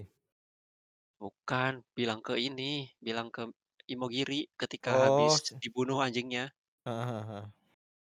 Dia kan bilang, si Imogirinya bilang eee, nggak mungkin karena orang di sini tuh sangat strict dengan aturan, dan Mhm. di sini, di platform ini nggak boleh ada, eee, anak berusia kurang dari 16 tahun. Mhm. Nah, gua rasa ada konsekuensinya di situ tuh yang hilang. Mhm. Kenap eee, gimana kalau misalkan ada anak di bawah 16 tahun yang ternyata ada di situ? Mhm. Apakah ada konsekuensi untuk si platformnya itu loh, maksud gua. Ya tadi gua sempet Mmm. bahas sama Ucu tuh, di luar ini. Mhm mhm mhm. kalau lu melangga mmm, peraturan tuh kan ada tuh di bawah 16 tahun nggak boleh masuk. Kalau ternyata ditemukan buktinya ini mau diapain? Lu lu Iya. kena hukuman apa? Apakah ini semua tahanan dibebaskan karena lu sendiri yang buat peraturan, lu sendiri yang langgar? Iya, maksud gua mhm. gitu. Kayaknya bak ada message di situ tuh, konsekuensinya apa, dan kenap itulah kenapa jadinya si anak kecil itu bisa jadi message-nya untuk dibawa lagi ke atas. Sebagai bukti dari lu tuh salah gitu ya? Iya, sebagai bukti, "Lu tuh salah, Iya, ada ada ada anak ad kecil di dalam sini." Eee, lu break the rule gitu ya? Mhm, "Lu Iya. break the rules." Mmm. Itu konspirasi ya, maksudnya Eee Ya ya ya. Tapi kalau dikaitkan lagi di atas adalah Tuhan, terus dia, eee, apa, salah bikin kebijakan ke bawah ah, itu message-nya apalagi itu? Ya Eee, itu udah nggak bisa make sih, kalau sense. kalau aku sih nganggapnya Karena itu prison kan? eee, pemerintahan sih kayaknya, bukan bukan ini ya, masuknya Wow. pemerintahan sih itu. Pemerintahan tidak ada yang sebaik itu. Bukan bukan. Jadi, eee, kebocoran ini sih, kebocoran eee, apa ya namanya, kebocoran peraturan yang mereka buat gitu. Paham, bisa digituin, cuman kalau itu kan konteksnya satu kesatuan, Pak. Berarti lu Kitchen kalau lu Kitchen anggapnya pemerintah, eee, terus it eee, apa, anak kecil itu adalah kesalahan gitu ya kan, yang menjadi bukti dari kesalahan pemerintah, balik lagi Kitchen itu melakukan sesuatu kan, melakukan sesuatu adalah serving se tahanannya dengan cara yang paling baik menurut mereka gitu kan. Maksudnya dikasih makanan dengan cara pengolahan yang terbaik, bahan-bahan yang terbaik, Mmm. menu-menu juga menu-menu yang lu su lu paling sukai gitu kan. Ya, Menurut Iya. gua menurut istilahnya gua gini tidak ada pemerintahan yang seperti itu gitu loh. jadi istilahnya gini loh, anak kecil ini kalau diumpamakan tuh sebagai pesan, Mhm. pesan protes dari nih rakyat ya, Mhm. kalau di pemerintahan ya dari rakyat mengenai kene eee, ini loh orang-orang pejabat-pejabat ini seperti apa, Paham. gimana gitu. Paham. Itu sih nanggap aku nangkapnya sih gitu sih kalau untuk kalau ke Iya. Tuhan bingung sih kalau ke Nah Tuhan pesannya apa ya? Ya itu itu balik lagi kalau misalkan lu gitu, lu berarti nganggep Kitchen itu ada pemerintah kan? Iya, ini Iya. Iya, gua nganggep Prison itu pemerintahan. Kitchen di atas itu sampai ke platform paling bawah itu misalnya tingkatan pemerintahan, sampai ke paling bawah. Sampai ke Iya. istilahnya masyarakat biasa, masya ya begitulah. Iya. Nah gua nggak eee, gua nggak setujunya karena nggak ada pemerintahan yang nge-serving masyarakatnya dengan sebegitunya. Dengan Mmm. sebegitu baiknya, digambarkan dengan sebegitu baiknya. Misalkan ini adalah sebuah film yang mengilustrasikan gitu kan ya. Mmm. Jadi kalau the platform-nya tadi diilustrasikan sebagai seperti rantai rantai dari pemerintahan ke rakyat paling jelata gitu ya. Menurutku terlalu baik dia mengilustrasikan pemerintahan yang nge-serving makanan dengan bahan yang paling baik, koki-koki terbaik, itu menurut gua nggak ada. Mmm. Itu opini masing-masing gitu. Ya. agak-agak agak-agak nggak agak-agak backlash-nya kalau misalkan kit Kitchen-nya kita anggap Tuhan, masa dikritik sama manusia gitu kan ya. Iya. Cuma Kalau kalau misal ke kalau nganggap Kitchen-nya pemerintah, eee, lucu lagi gitu, masa dia nge-serving digambarkan dengan cara nge-serving-nya sebaik itu gitu. Kalau aku sih mungkin, masih mungkin. Karena gini, eee, kan ada golongan-golongan yang istilahnya ini kalau dibilang kan kayak kebobrokan kebobrokan suatu rule ya, satu rules, makanya sampai bisa nih anak kecil nih masuk di dalam tanpa orang tahu pun. Jadi kan kalau di pemerintahan, ini loh ada yang yang, eee, di posisi paling atas tuh kuanggap istilahnya orang yang berdekatan dengan eee posisi paling atas tuh orang lantai 1 apa Ya Kitchen? lantai 1 lantai 1. Oke. Anggaplah di atas itu Kitchen tuh yang punyalah. Yang punya apa? Yang istilahnya yang yang pemerintahan. Ya ini kalau kalau bahas pemerintahan ya. Mmm. Anggaplah itu pemeri eee, pemerintah.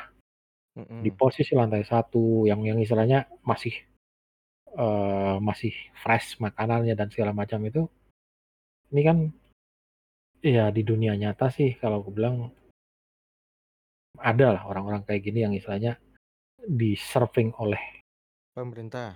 Ya. Iya, cukong-cukonglah. Ah. Istilahnya Mhm. seperti itu. Jadi ini makin ke bawah kan makin jauh tuh dari pemerintah. Paham. Nah, ini sebagai bentuk protes Mhm. dari yang di bawah ke pemerintahan sih sebenarnya.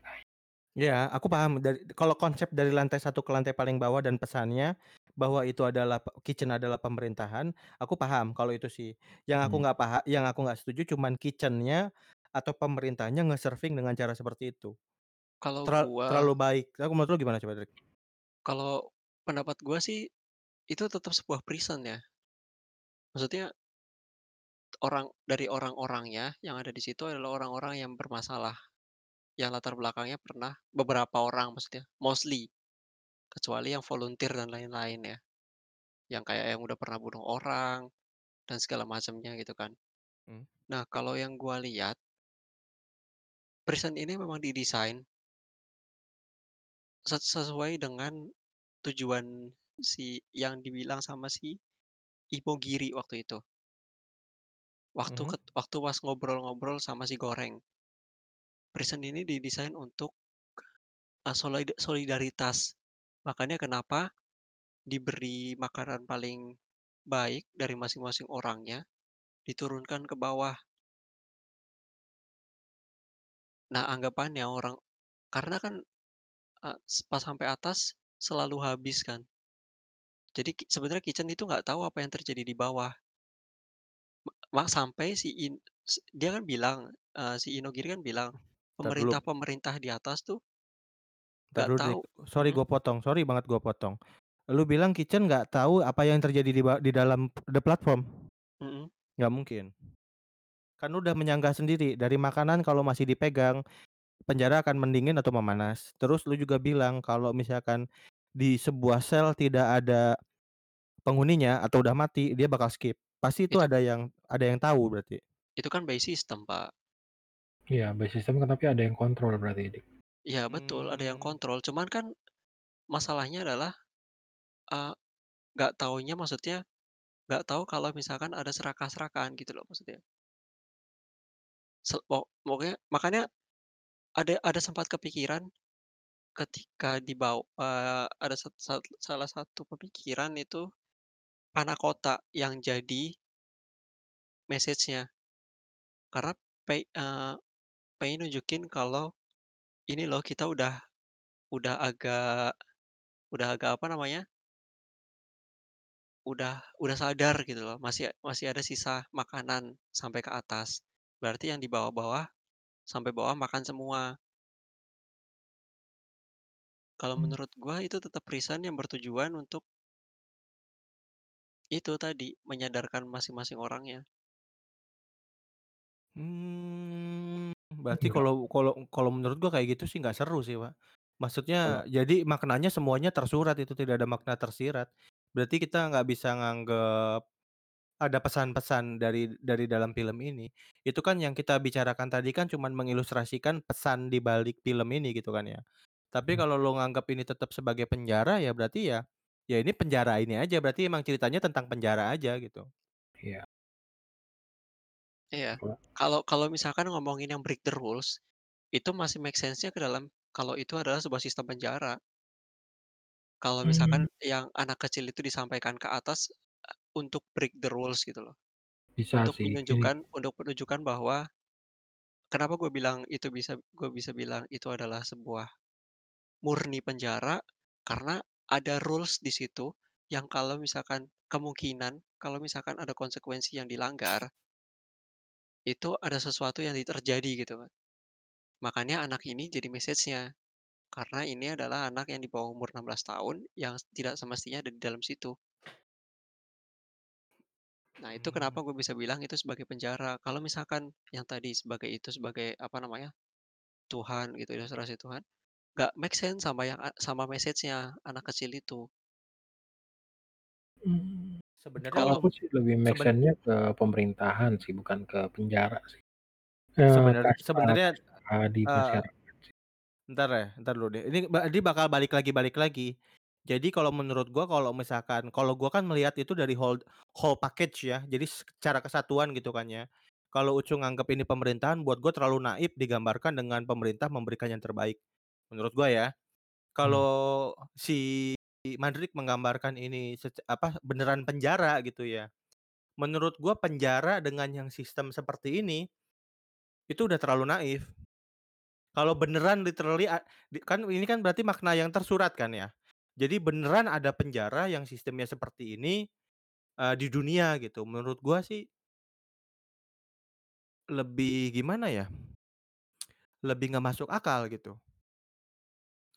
Karena, i ini bukannya lu lihatnya dari per part ya, bukan ngelihatnya dari kalau ngelihat dari anak ini kecil ini sebagai message sih, kalau lu ngelihat kue ini sebagai message sih bukan, whole the things gitu, semua dalam satu paket.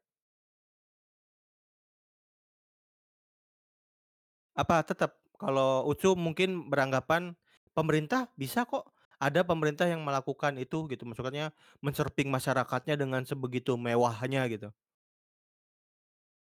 Gimana, Su? Halo? Iya.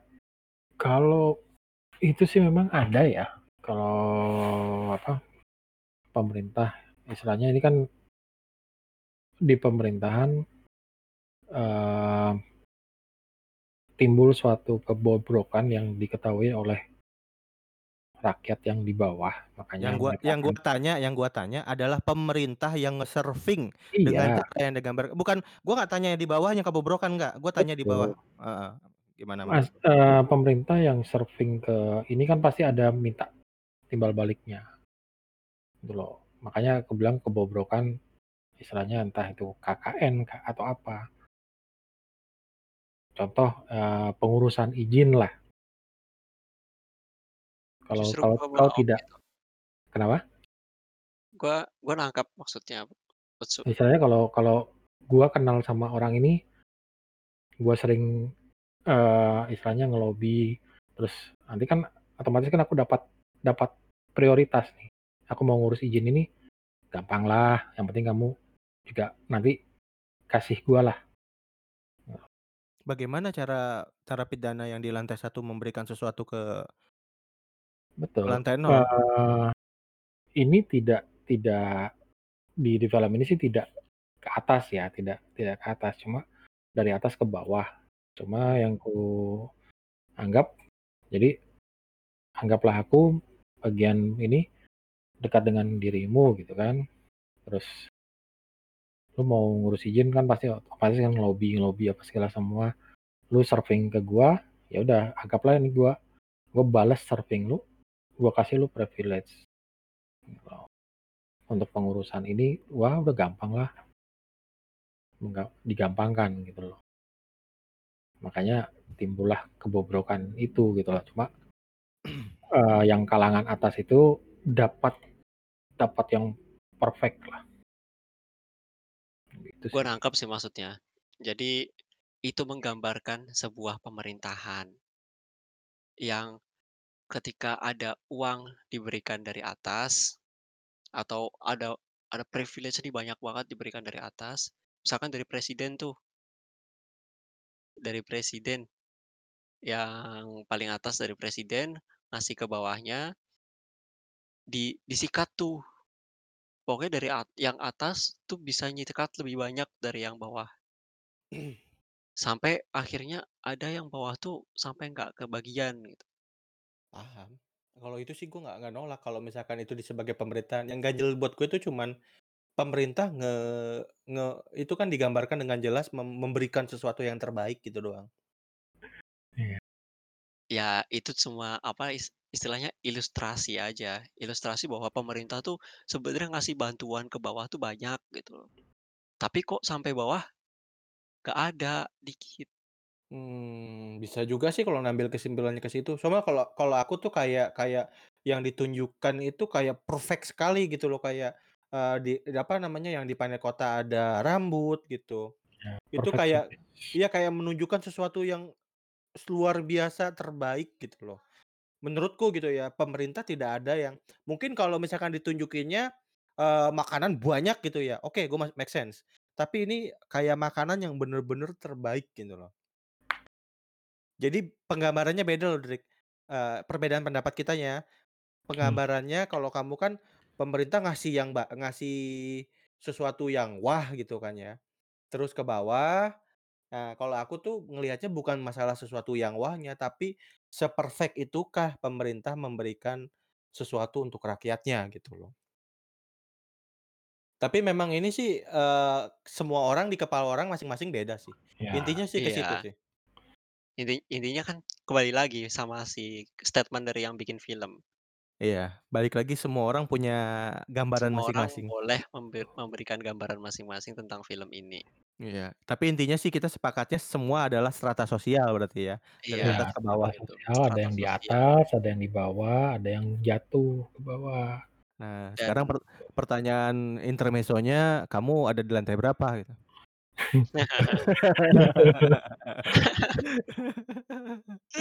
Aduh aduh aduh, udah panjang banget nih kayaknya ya. Ada tambahan lagi nggak dari kalian coba? Mmm. Mmm, kalau kalau gitu kita masuk ke oh eee, aftertaste-nya aja kali. Itu udah aftertaste, tadi kita udah bahas aftertaste ya. Ah, enggak sih, itu lebih ke ini kalau menurutku, lebih ke per scene-scene atau lebih ke yang sebelumnya scene-scene ya, per scene gitu, yang Enggak. yang terakhir kali kita bahas itu lebih ke Aftertaste itu, yang bukan bukan buat masalah aftertaste. Prison. sudut pandang Ini kayaknya. sudut pandang atau Oke. makna tersirat yang berusaha kita sampaikan. Ya, yang Oke. ditangkap sama Eee masing-masing orang kan beda. Kalau kalau aftertaste tuh lebih ke gini nih, eee, berarti kita masuk ke aftertaste ya, sesuai dengan judul podcast ini ya berarti ya? Iya. Oke, aftertaste yang gua rasain sih setelah nonton ini sih, kayak ngerasa apa ya, ya itu kalau gua kan lebih menganggap, eee, ini sebagai atas itu kitchen itu adalah Tuhan gitu kan, memberikan sesuatu selalu yang terbaik ke bawah gitu kan ya. Kayak ba sadar aja gitu aftertaste tuh kayak di hati tuh ada yang ganjel gitu. Ternyata kita sebagai manusia itu kelakuannya kayak gitu, gitu loh. Mmm. Kadang kadang gua bertanya juga gitu, kalau gua sih nggak bisa ngelihat dan kayak di film kan digambarkan kita tuh nggak bisa ngomong sama yang di atas, kenapa? Sesimpel karena dia di atas. Ya Mmm. nggak? Jadi gua Iya. juga ke atas kayak nggak bisa, "Yah gimana ya dia di atas?" Nggak Gitu. didengerin gitu ya, Iya, istilahnya. tapi apa yang gua lakukan ke bawah, seperti orang-orang brengsek di situ nggak? Ngencingin nggak gitu, ngancurin, ngelemparin apa, botol nggak gitu loh. Jadi kayak aftertaste-nya lebih ke lebih ke bertanya ke diri sendiri gitu loh. Ah, oke, good point. Mhm. Kalau yang kalian gimana? Kalau gua sih, ya jelas karena sebenarnya ini masalah strata sosial ya. Kalau gua lihat. Jadi, emang di real life sekarang juga gua rasa relevan banget sama kejadian-kejadian saat ini gitu. Walaupun gua nggak mau mention juga kejadian-kejadian apa. Cuman gua ngerasa kita tuh butuh eee, kayak si butuh ada sebenarnya di antara kita tuh ada orang-orang yang kayak Goreng, ada orang-orang yang kayak Inogiri, cuman banyak orang itu nggak sadar gitu loh. Maksudnya, ada kayak yang Inogiri, mereka udah nasehatin ke kita itu baik-baik. T eee, tapi kenapa orang-orang lebih memilih untuk mesti di-punish dulu baru bisa baru baru apa namanya, baru sadar gitu. Nah, kalau menurut gua, aftertaste-nya adalah gua mesti jadi orang yang nggak nggak harus nunggu di-punish dulu, baru sadar, dalam hal apa pun. Misalkan dalam hal eee, antara hubungan kita sama Tuhan atau antara hubungan sesama manusia atau dengan pemerintahan pun. Itu sih kalau dari aku. Mmm. Jadi aftertaste-nya lebih ke ngimbas ke diri hampir sama kayak gua. Kalau gua kan lebih mempertanyakan ke bawah, gua apa yang gua lakukan, kalau dia le kalau Madrik berarti lebih ke, eee, apa namanya, mau meng-improve dirilah gitu ibaratnya ya. Iya, bisa bisa jadi, apa ya, ada nilai-nilai yang bisa meng-improve diri kita, yang Oke. menyadarkan diri kita. Jadi aftertaste-nya begitu. Coba kalau Ucu gimana? Kalau dari aku sih, setelah ini istilahnya setelah nonton film ini juga kesimpulannya yang segitu banyak. Mmm kayaknya keserakahan sih kayaknya, yang yang ini namanya kita manusia kan, manusia itu kan egonya nomor 1, terus ya rasa istilahnya kalau dikasih 1, minta 1 lagilah, tambah lagilah 1. Kalau bisa diambil semua, ambil semua. Nah itu yang yang kayaknya itu yang harus ditekan sih.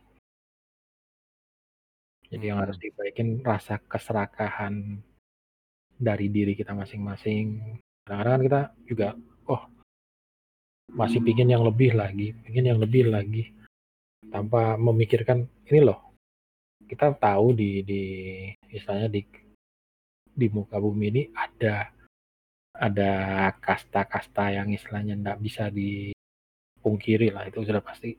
Ada yang kalangan bawah, kalangan tengah, kalangan atas. Tapi kalau dari film ini kalau semuanya serakah, yang sengsara yang di bawah.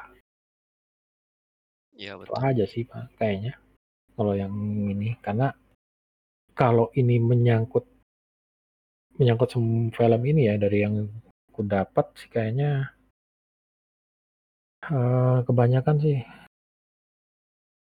soal pemerintahan, kalau mau disangkutkan dengan pemerintahan ini masuk sih sebenarnya, cuma tidak perlu dibahas. Tapi kalau yang kudapat sih ini rasa rasa rasa serakah dalam diri manusia ini sampai mana sih harus ditekan? Rasa yang terlalu mengikuti nafsu ya? Oh, Ya. rasa rasa yang pernah ada. Kalau rasa yang pernah ada itu lagu, Pak.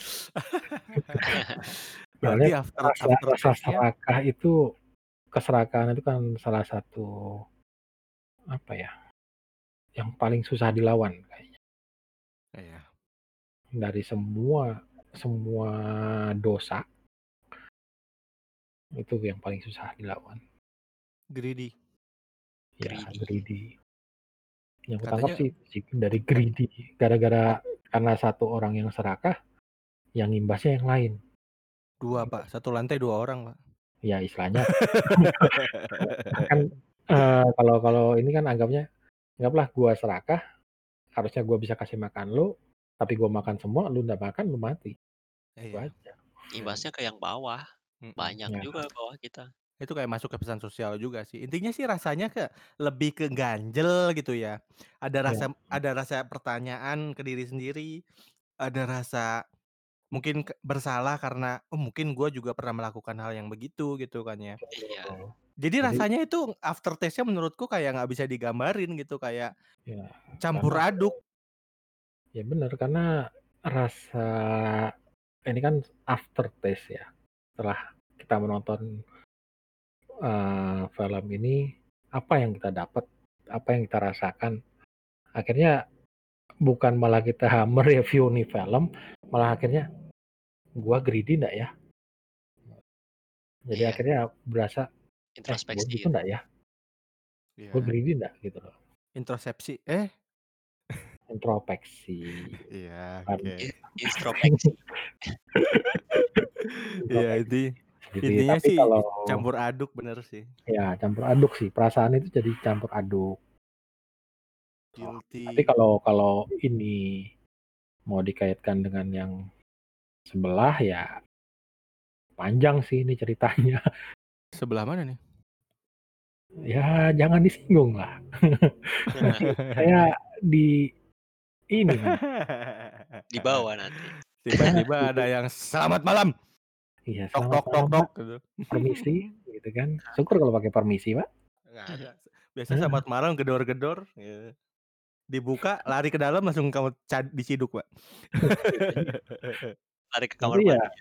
tapi kalau kalian yang nonton nanti ya, yang misalnya belum nonton, nonton film ini, coba kalian, eee, nanti imajinasikan sendiri karena film ini kan se sesuai yang dikatakan sama pembuatnya dia tidak, eee, apa, tidak menciptakan suatu ending yang, "Oh begini."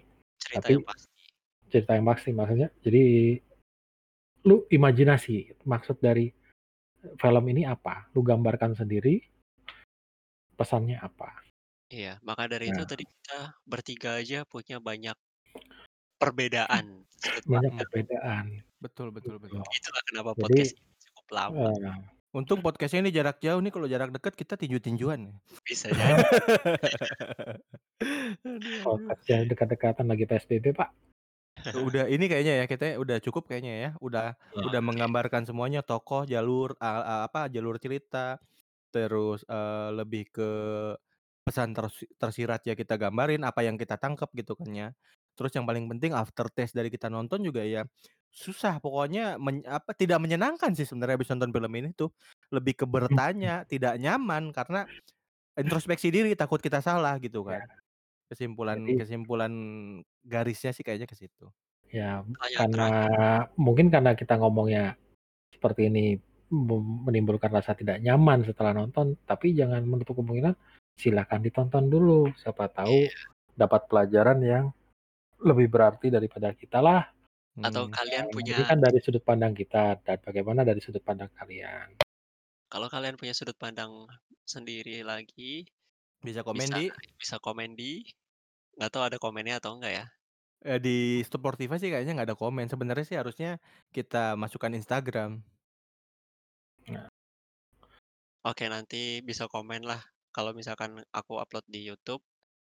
Nanti bisa komen di YouTube, kalau misalkan di-upload di Instagram bisa komen di Instagram. Ya. Jadi Atau tolong berikan komentar kalian, jangan lupa, eee, like, subscribe gitu ya. Kalau kalau ada di YouTube, belum tentu juga kita post di YouTube kan, heeh. kalau ada. Tapi kita sih butuh, eee, komen kalian karena mau tahu dari sudut pandang kalian itu seperti apa. Iya, Mungkin kalau tidak menutup kemungkinan kita gini loh, eee, nanti kita kasih link tautan, kalau misalkan kalian mau nge-record bisa dikirim lewat apa, email atau nanti kita sertakan pokoknya email, eee, apa namanya, Instagram. Jadi kita nunggu feedback dari kalian supaya lebih hidup gitu. Ibaratnya kalian juga kayak ngerasa punya media untuk menyampaikan apa yang ada di isi pikiran kalian. Bisa lewat tulisan komentar, bisa lewat rekaman suara, rekaman suaranya bisa dikirim lewat email atau voice voicemail-nya apa, eee, WhatsApp gitu kan. Atau mu nggak menutup kemungkinan kalau kita merasa ini menarik, kita hubungi balik, gabung sama kita ngobrol bareng, iya nggak? Iya, Iya, betul banget. Nah, bisa. gitu. Kalau Karena kalian kan mau kita juga ngobrol-ngobrol perlu bareng juga bisa. Nanti kita Mhm. akan sertakan Instagram, bisa follow di sana. Terus DM aja kalau misalkan ada ada movie yang pengen kalian bahas mungkin, eee, Ah. movie yang pengen kita bahas atau pengen kalian bahas bareng kita, Mhm. kalian bisa DM ke Instagram kita nanti, oke?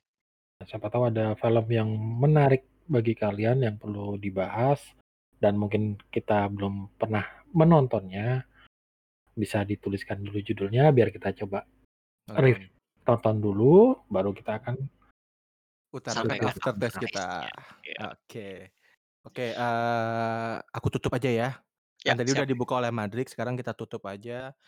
Eee, sekian dulu podcast dari kita, kalau misalkan terlalu panjang, mohon maaf, kalau misalkan tidak menarik juga mohon maaf, ini podcast pertama kita, mungkin banyak kesalahannya, kita mohon maaf.